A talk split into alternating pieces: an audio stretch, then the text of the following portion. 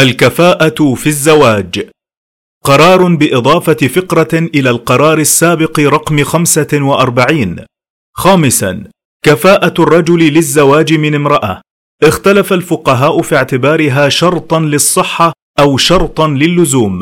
والراجح من أقوالهم أنها شرط للزوم عقد الزواج. بحيث يحق لكل من الزوجة والولي طلب فسخه إذا تبين بعد العقد عدم توافر أهم خصالها وهي التدين وحسن الخلق وهذا ما لم تحمل المرأة فإن حملت سقط حق الفسخ. وبالنسبة للمسلمين في أوروبا فإن المجلس يرجح أن الكفاءة مستحبة مطلوبة يجدر بالطرفين مراعاتها قبل الزواج. وذلك لضمان استقرار واستمرار الحياة الزوجية ولتحقيق أهم المقاصد الشرعية منها وهو بناء الأسرة المسلمة المتماسكة.